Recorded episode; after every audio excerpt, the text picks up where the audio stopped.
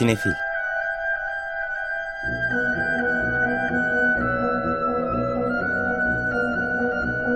Hazırlayan ve sunanlar Melis Behlil ve Yeşim Burul.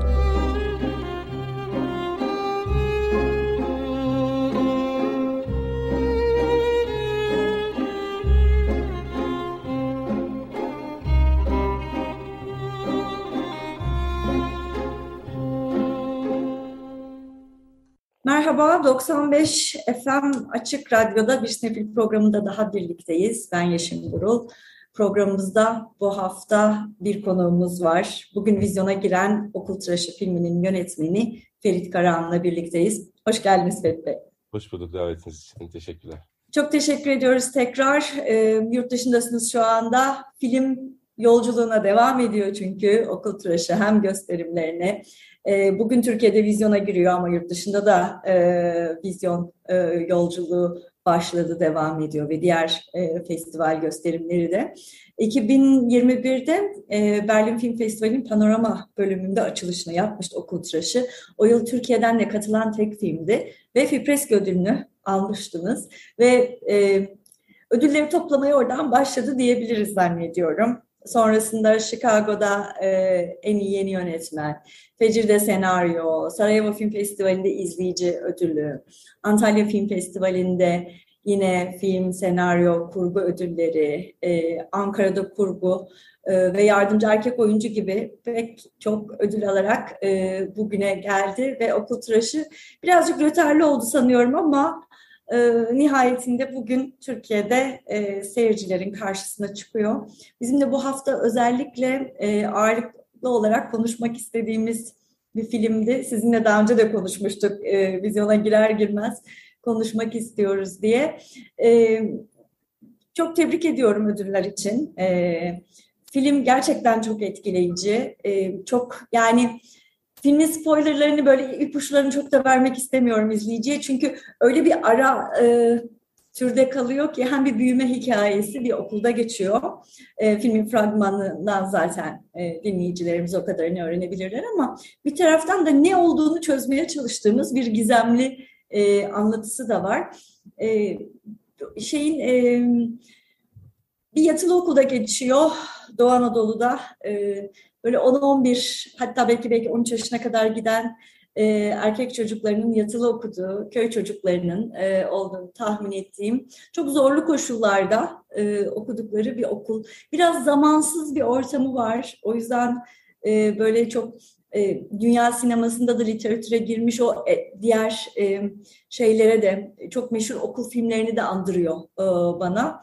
E, çünkü çok evrensel bir deneyim bir taraftan o yaşadıkları okuldaki birazcık baskı ortamı e, ve o çocukların yalnızlıkları ve nerelerde çözüm buldukları.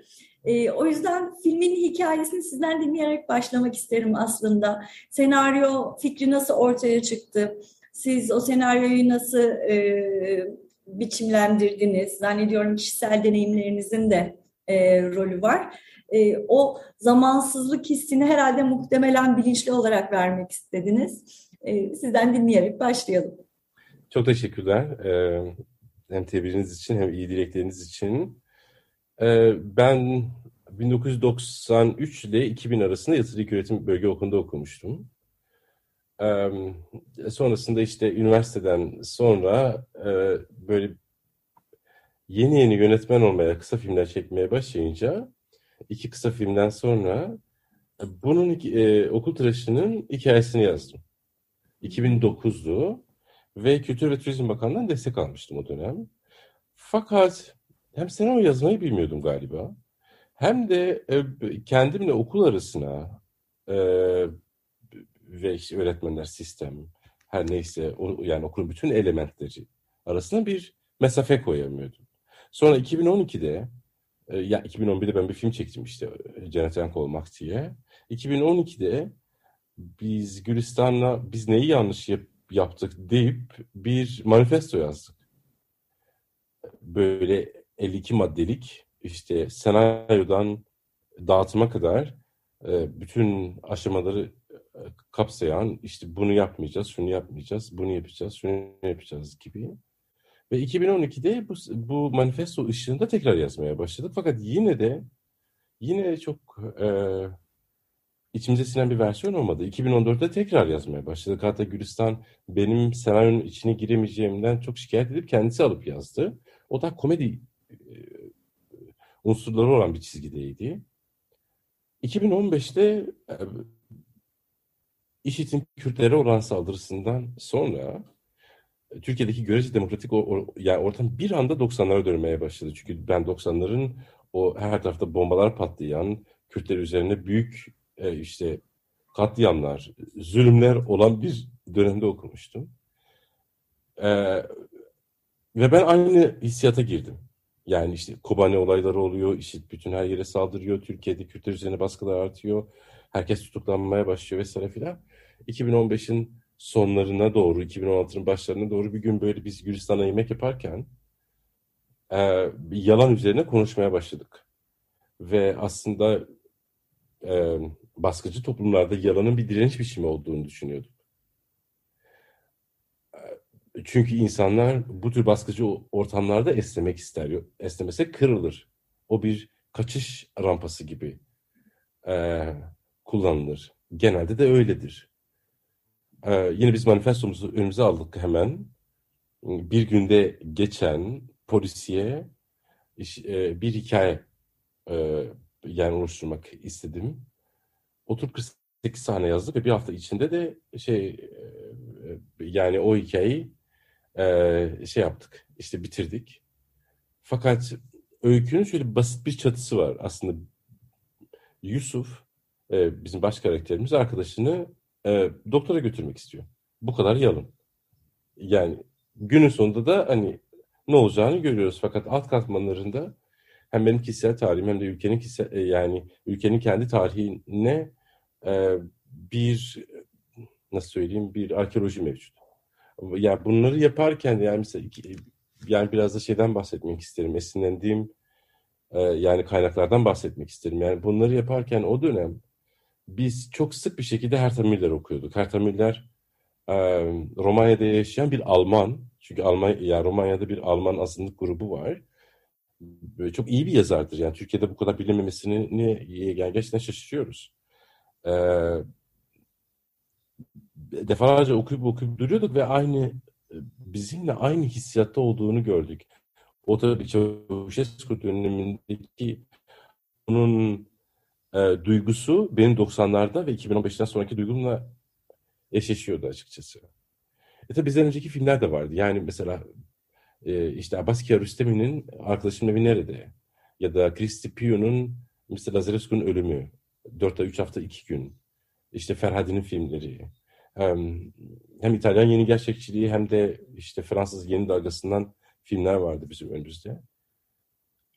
Böyle bir film tasarladık. Sonra 2000 ben bu arada dört defa bakanlığa başvuru yaptım. Her defasında reddedildim. Beşinci defa 2018'de sanırım başvuru yaptım. 2019'da destek aldık ama zaten biz çekime girmiştik o arada çekim e, çekim bitmeden bakanlıktan destek de e, gelmiş oldu. E, sonra bir buçuk iki senelik bir kurgu sürecinden sonra işte biraz da pandeminin de e, yani olumsuz etkileriyle Berlin'de açtık. Böyle bir süreç geçirdik yani.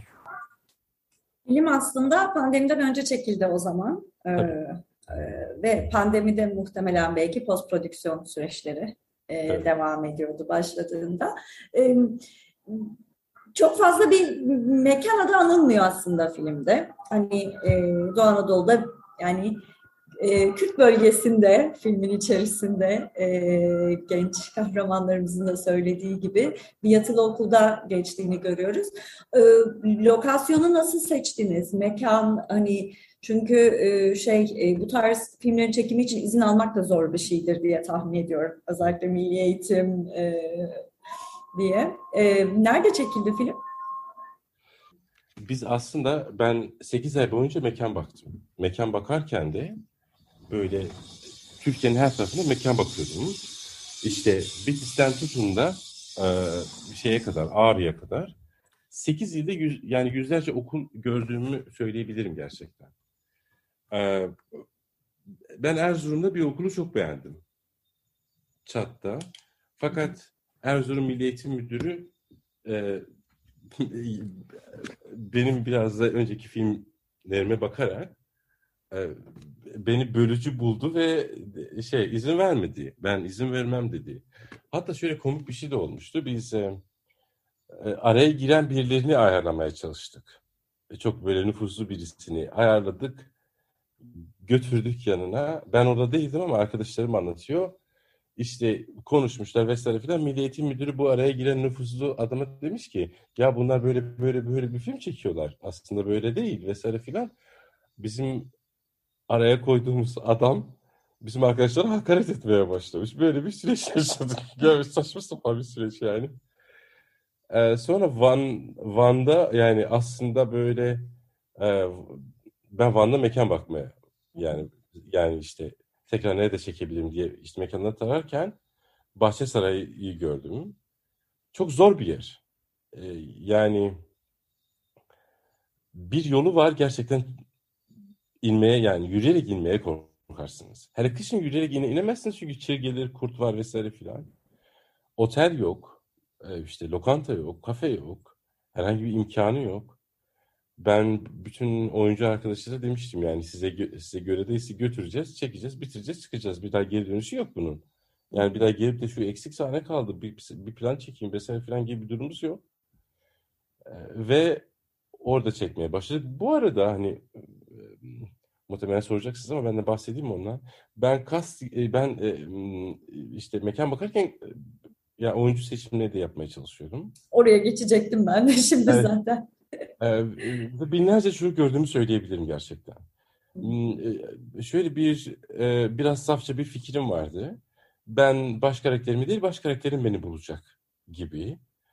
Son bir ay kala çekime bizim bütün yapımcılar, ekiptekiler bir endişelenmeye başladılar. Yani bu çocuk nerede? Bir de çok da böyle beni de sıkıştırıp da baskı da oluşturmak istemiyorlar yanlış karar ver, vermem için. Ben bulacağız bulacağız dedim. İşte o çocuğu Yusuf'u, e, Samet Yıldız'ı Erzurum'da bulduk ve Erzurum'dan Van'a getirdik. Hı hı. Bütün o yerel kast aslında Van'dan, Bitlis'ten, Erzurum'dan ve diğer illerden toplanmış çocuklar. Sadece bir yerden çocuklar değil ama hepsi istisnasız bir şekilde yatılı okul okuyor yani okuyorlar. Zaten diğer kastı, profesyonel kastı biliyorsunuz. Hiç zorlamadık diyebilirim. Senaryo kime gönderdiysek sağ olsunlar kabul ettiler. Ve çok iyi anlaştık. Ben oyunculara sırt sırta verip e, oyuncularla bir yaratım süreci içine girmeyi seven bir yönetmenim. Ha bu arada prova yapmıyorum hiç. Hiç yapmıyorum. E, bu biraz riskli ama e, bu bende şunu sağlıyor. Öncesinde kameramı nereye koyacağımı, mekanı nasıl tasarlayacağım hepsini çalışıyorum. Yani bütün frame frame. Ama sadece şey sürprizi bırakıyorum yani oyuncudan performanslarını.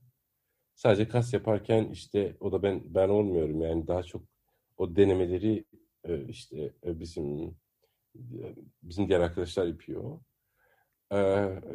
Ve böyle bir süreç yani geçiriyorum. Aslında o oyunculuk biçimlerini sette deneme fırsatım oluyor çünkü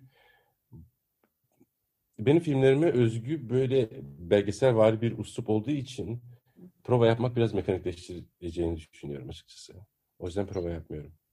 Çocuk oyuncularla çalışmak her zaman çok zor bir şey aslında. Yani tek bir çocuk oyuncu olduğunda bile ama bir okul dolusu e, çocuk oyuncu e, ve de ana kahramanlar onlar. Tabii ki yetişkinler var, öğretmen karakterleri, müdür, yönetici ve e, okul çalışanları da var ama e, hakikaten o deneyimi birazcık daha hani sormak istiyorum. Çocuk oyuncuyla önceden deneyimimiz var tabii ki Cennetler Kovulmak'ta da. Ee, ama yani orada bir çocuk oyuncu diyoruz. Burada bir sürü çocuk oyuncu bir de prova yapmıyorum deyince hani Samet'i buldunuz ama sonuçta anladığım kadarıyla hiçbiri aslında oyunculuk tecrübesi olan isimler değil hepsi. Değil. Evet. E, yöreden çocuklar artık gençler tabii büyüdüler. E, filmde bile çok önemli yaşları yani 10 değil 11. ya şimdi şimdi şimdi benim arkadaşlarım işte Gülistan, Kanat vesaire filan benim çocuk oyuncu oynatmada mahir olduğumu düşünüyorlar adam hiç öyle değil yani gerçekten. Yani bir tane iki tane hani eyvallah. Yeşim Hanım 500 taneler.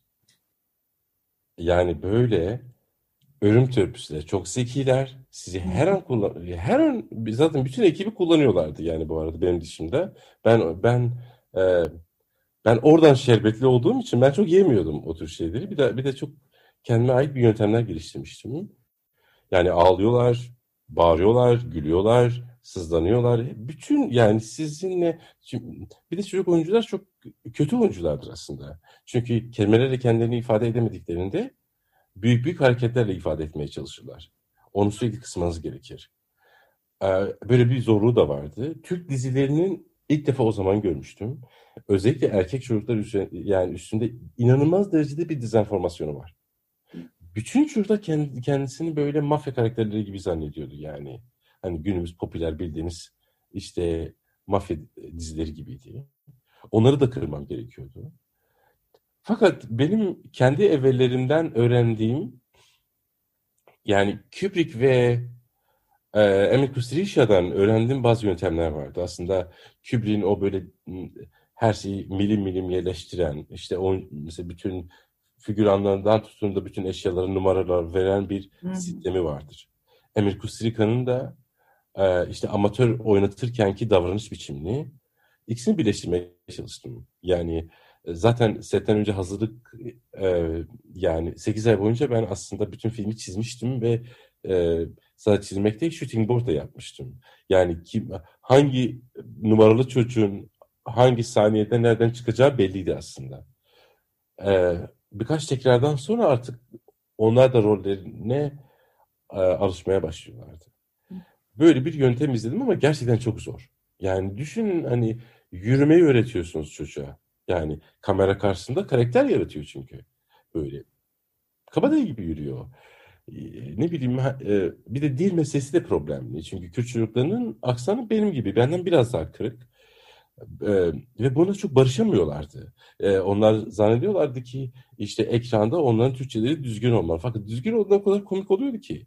Yani böyle biliyorsunuz Kürt çocukların düzgün konuşmaya çalıştığı. Benim düzgün konuşmam gibi. Ben bunun sorun olmadığını e, benim de aksanım olduğunu ve bu aksanın aslında onları zenginleştirdiğini, bunun bunun dünyanın her tarafında bütün insanlarda bir şekilde olduğunu belirtmeye çalıştım ve onlara bir özgüven geldi. Fakat en en önemli şey siz çocuk yani işte gençlere yani diyeyim bir büyük gibi davranırsanız eğer bir büyük gibi tep yani tepki alırsınız. Onlar bir karakterler gerçekten. Onlar da kendi başlarına e, işte yiyebilen, içebilen, dolaşıp düşünebilen. Ben hiçbir şekilde e, uslubumu onlara göre şey yapmıyordum, değiştirmiyordum. Yani tamamen işte nasıl büyüklerle nasıl konuşuyorsam küçüklerle de öyle konuşmaya başladım. Ama gülmüyordum da. Dokun asla dokunmuyordum. Bir metreden fazla asla yaklaşmıyordum. Sürekli yanlarındaydım ama yani çok da uzaklaşmıyordum. Yani onun bir dengesi var. O sanırım biraz bana yardım etti diyebilirim.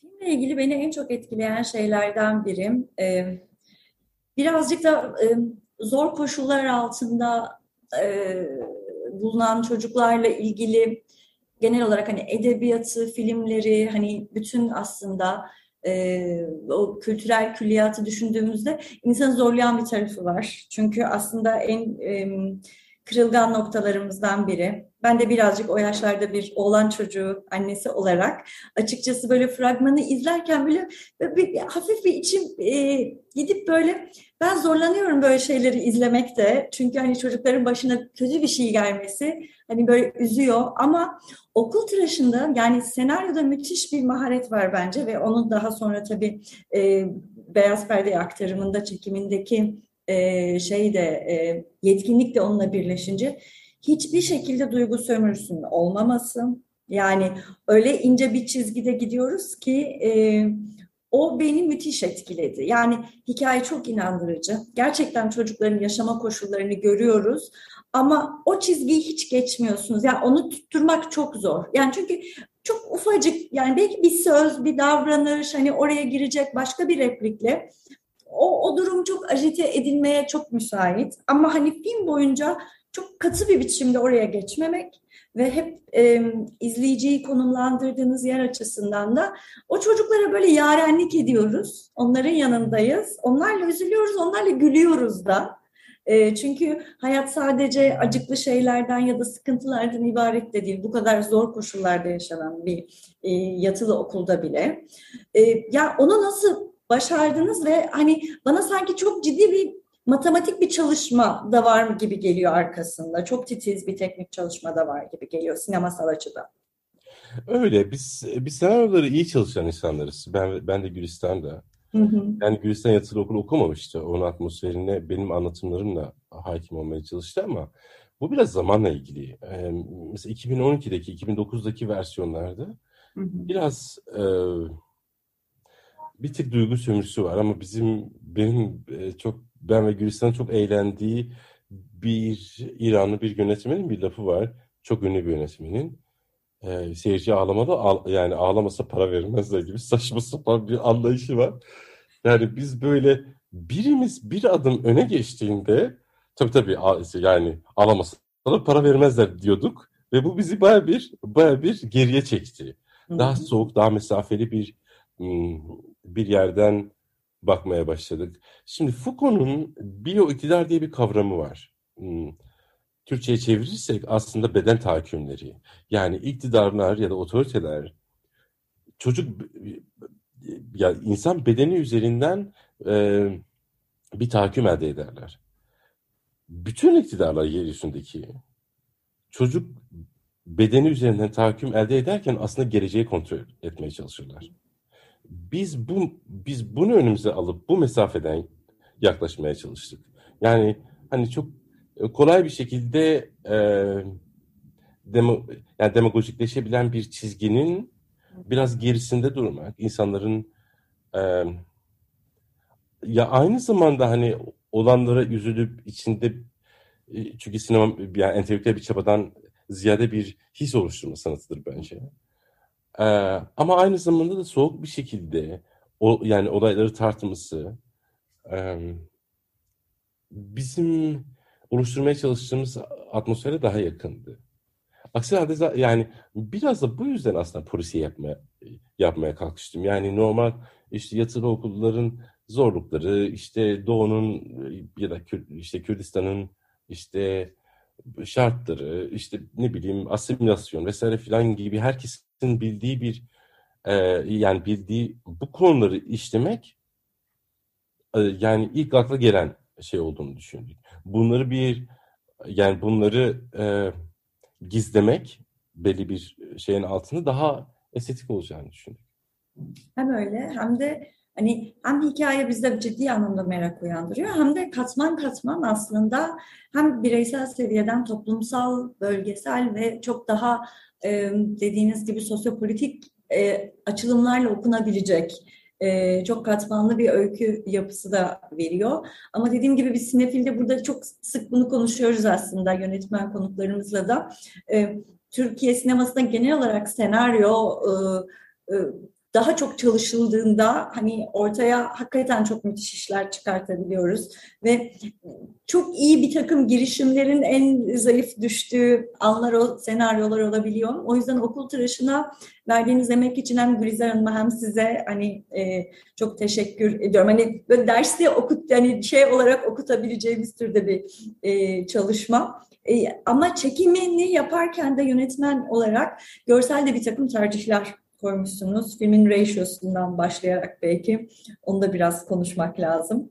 Ee, çok spesifik tercihler var. Ee, işte o görüntü ölçeği, sonra hareketli kamera ve de kameranın konumlandığı yer birazcık. Yani o Yusuf'un arkasında, omzunun arkasında bir yerden bizi o anlatımın içerisine e, entegre ettiği anlarla o, onun yüzüne ve gözlerine olan close-up'ların dengesi de e, aslında çok şey anlatıyor bize hikaye dair.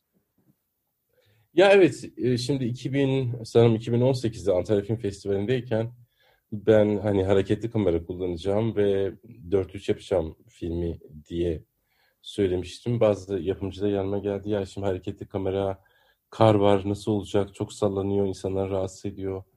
4-3'te çok uygun değil televizyon için aslında artık televizyonlar 16.9 acaba 16.9 yapmayı mı denesen gibi şeyler önermeye başladılar. Fakat ben arkası yani bu bütün bu tercihlerin senaryodaki tercihlerin çekim aşamasında da öyle olacağını e, yani öyle bir sayıkla hareket etmeye başladım. Çünkü ben hareketli e, kamera kullanmak sadece bir biçim oluşturayım için değil aslında muhtevanın bana dayattığı bir e, bir stili yani insanlara göstermekti benim niyetim. Yani sürekli karaktere yakın olan, onu takip eden, onunla birlikte orayı keşfeden bir kamera dili e, bu filmin muhtevasına daha fazla uyuyordu. 4-3 de hem film aslında tek mekanda geçiyor bir komplekste, bir yatılı okul kompleksinde geçiyor. Tek bir odada değil ama e, hem mekanın o klostrofobik atmosferini çünkü mekandan bir türlü çıkamıyorlar. Bazı nedenlerden kaynaklı biliyorsunuz. Hem de eğitim sistemimizin ve ülke sistemimizin o dar bakışını biraz da göstermek açısından ben 4-3 e, yani Aşbek Ratio'yu tercih ettim diyebilirim yani. De şunu da belirteyim. Şimdi ben biraz süründüm kurguda. Birkaç kişiyle yapmaya çalıştım vesaire filan. Hmm, kurguda aslında kurgudan emin olmaya başladığım nokta e, biraz da benim hani ben aslında sayısalcıyım. E, biraz da böyle Lorenz teoremlerinden yola çıkarak hareket ettim. Yani Lorenz teoremleri şöyledir. İşte e,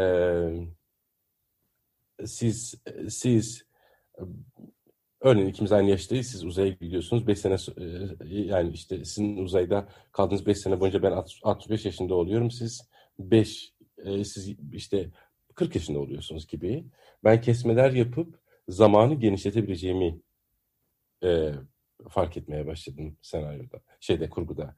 Yani bu zamanın genişlemesi kavramını oradan aldım ve bütün filmi uygulamaya başladım. Film 81 dakika jenerik ile birlikte 85 dakika ama aslında böyle 30-40 dakika gibi görünüyor. Çok hızlı bir temposu var. Fakat etkisi 120 dakika gibi. Yani tamamen oluşturmaya çalıştığım şey buydu. Fakat bunu yaparken şuna dikkat etmeniz lazım tek bir anlamı olmayan bir frame fazla kaldığında bu bu yöntem çalışmıyor. Yani sizi geniş geniş anlatıma e, sizin geniş geniş anlatımınıza çok müsaade etmiyor bu kurgu biçimi. O yüzden Türkiye'deki bütün kurgu ödüllerini galiba bize verdiler biraz daha fazla çalıştığımız için üstünde. Yani böyle bir yaklaşımla filmin görsel dünyasını oluşturduğunu söyleyebilirim. Evet o zaten o da bence filmin takdire şayan bir diğer özelliği e, zamanı çok iyi yönetiyor ve hakikaten hiç gereksiz tek bir kare bile yok filmde. Derdini çok güzel anlatıyor ve istediği duyguyu da çok güzel bir biçimde uyandırıyor. E, maalesef bir kurgu sorunu var bence. Hani ülkemiz sinemasında e, yönetmen arkadaşlarımızın bir kısmı kesmeye kıyamıyorlar çok severek çektikleri bölümleri hani nihai olarak filme bazen çok çok hizmet edemeyebiliyor çekilen bazı bölümler.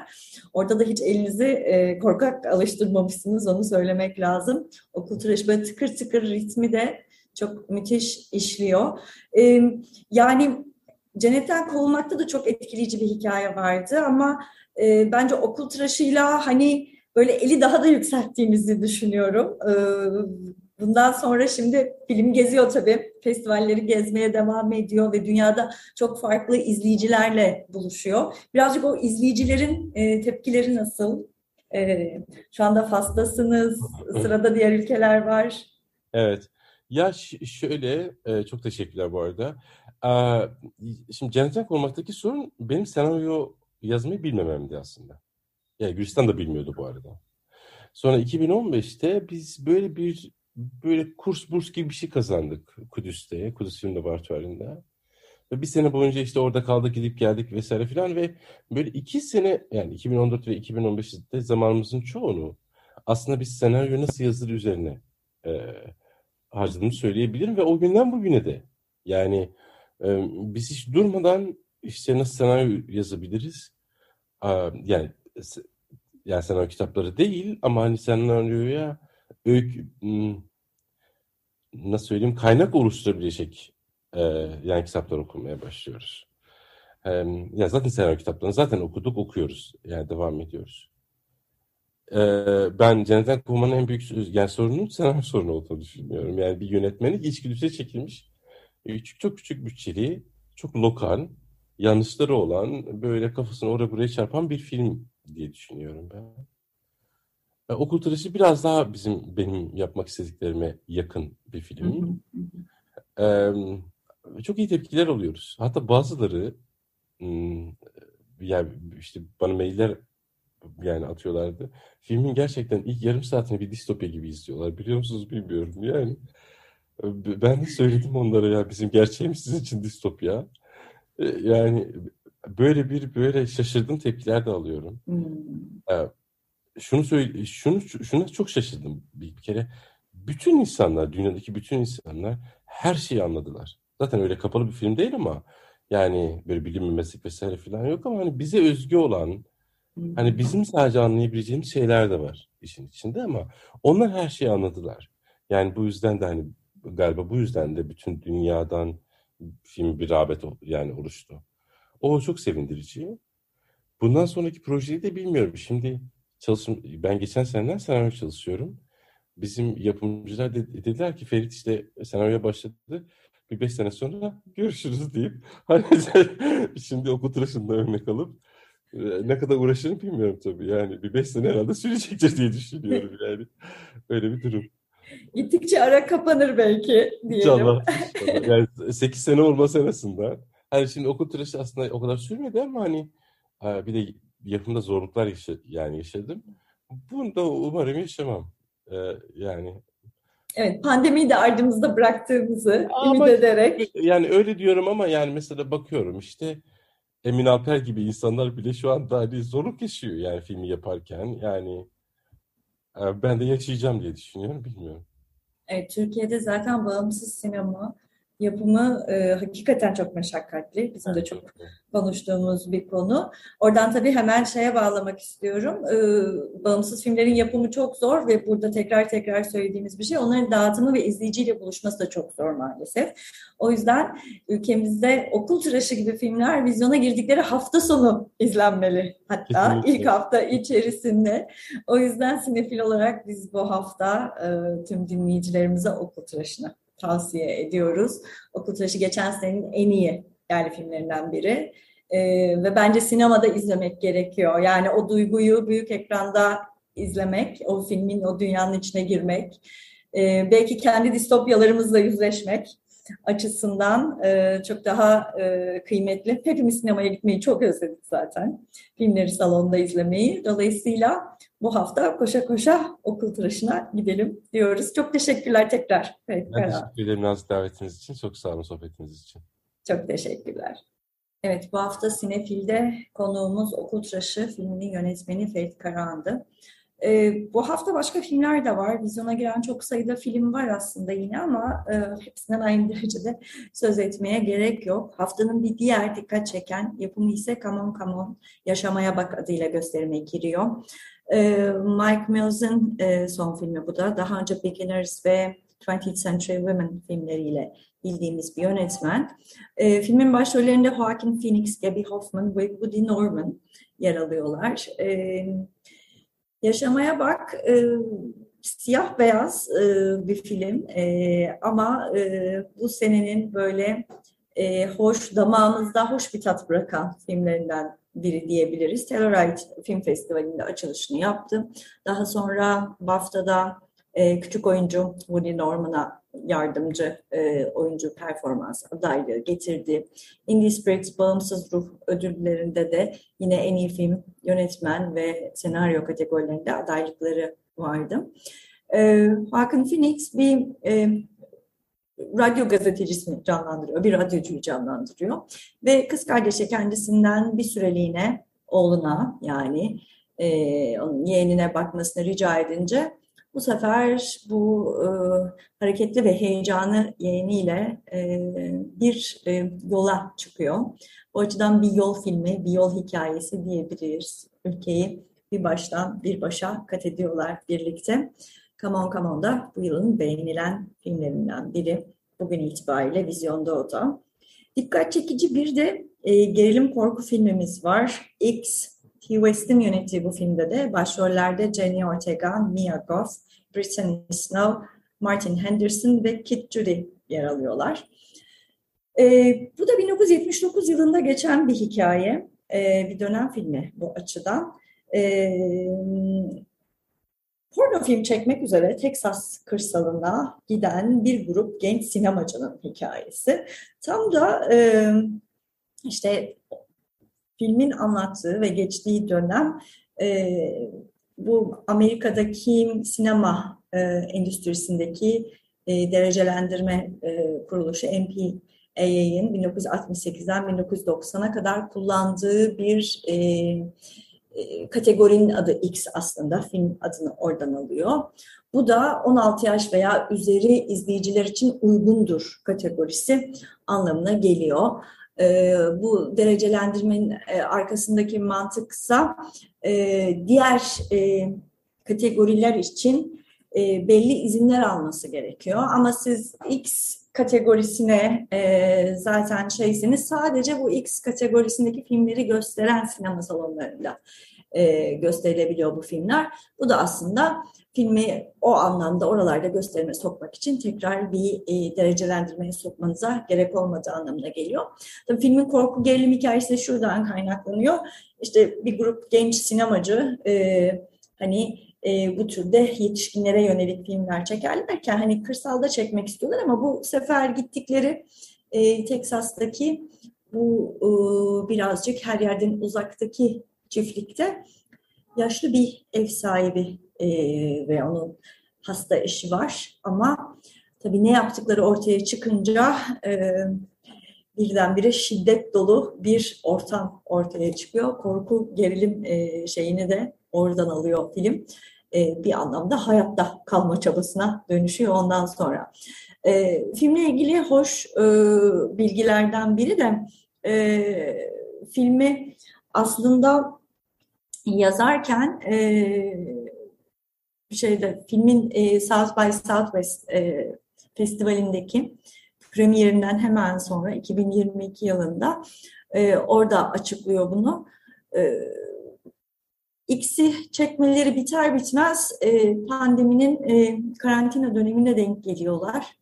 E, ve o arada bu filme bir ön hikaye yazma, prequel dediğimiz bir ön hikaye yazmaya karar veriyor ve çok hızlı bir şekilde yazıyor o iki haftalık karantina döneminde.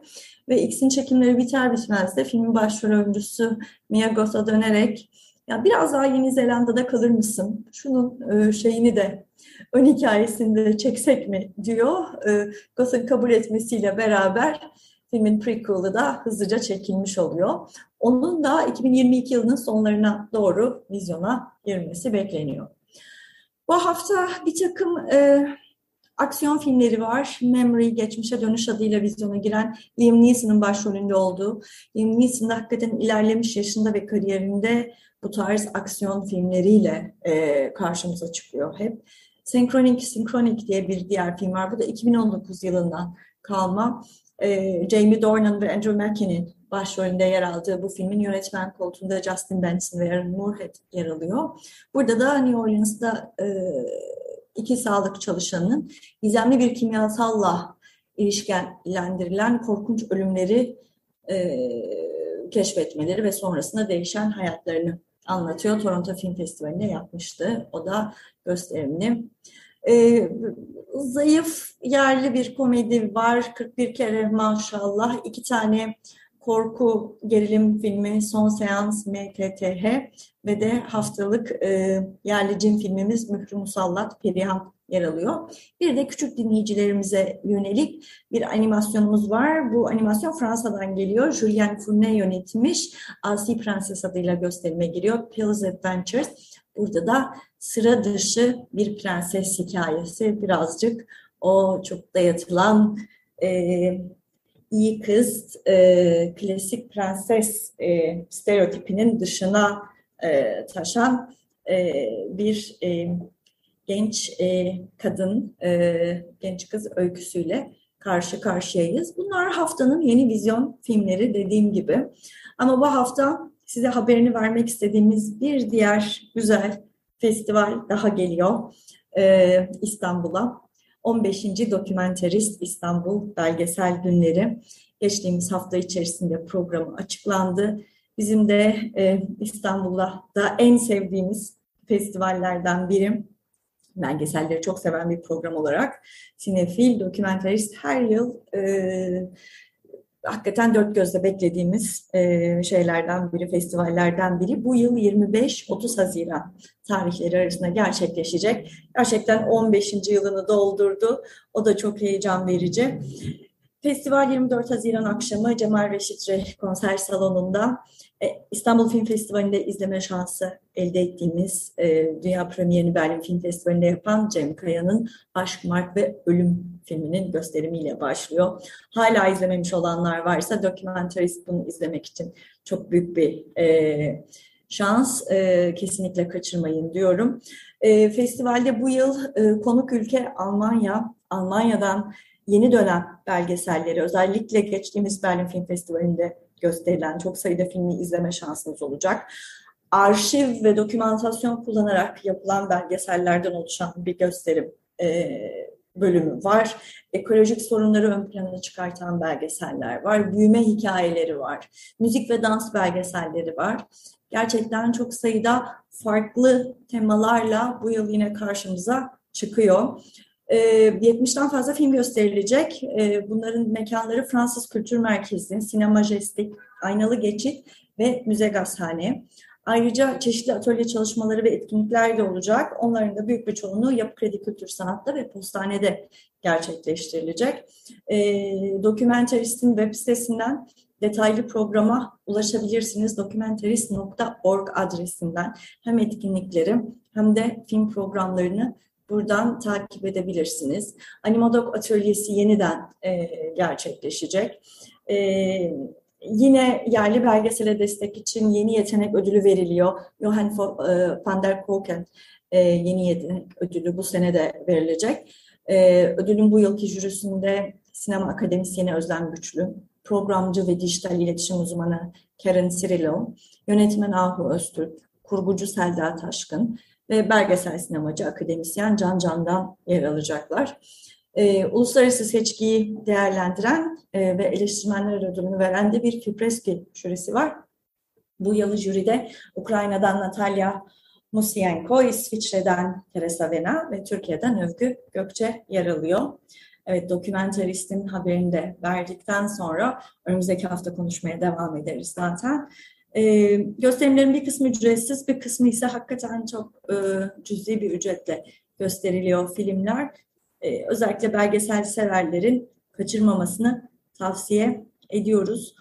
E, böylece bir sinefilin daha sonuna geldik. Program ortağım Melis Behli bu hafta bizimle birlikte değildi. Haftaya birlikte olacağız. E, teknik masadaki arkadaşlarıma ve bu haftaki program destekçimize de çok teşekkür ediyorum. Programın geri kalanında e, bu hafta vizyona yeni giren Come On Come On filminden e, müziklerle e, şey yapacağız, devam edeceğiz.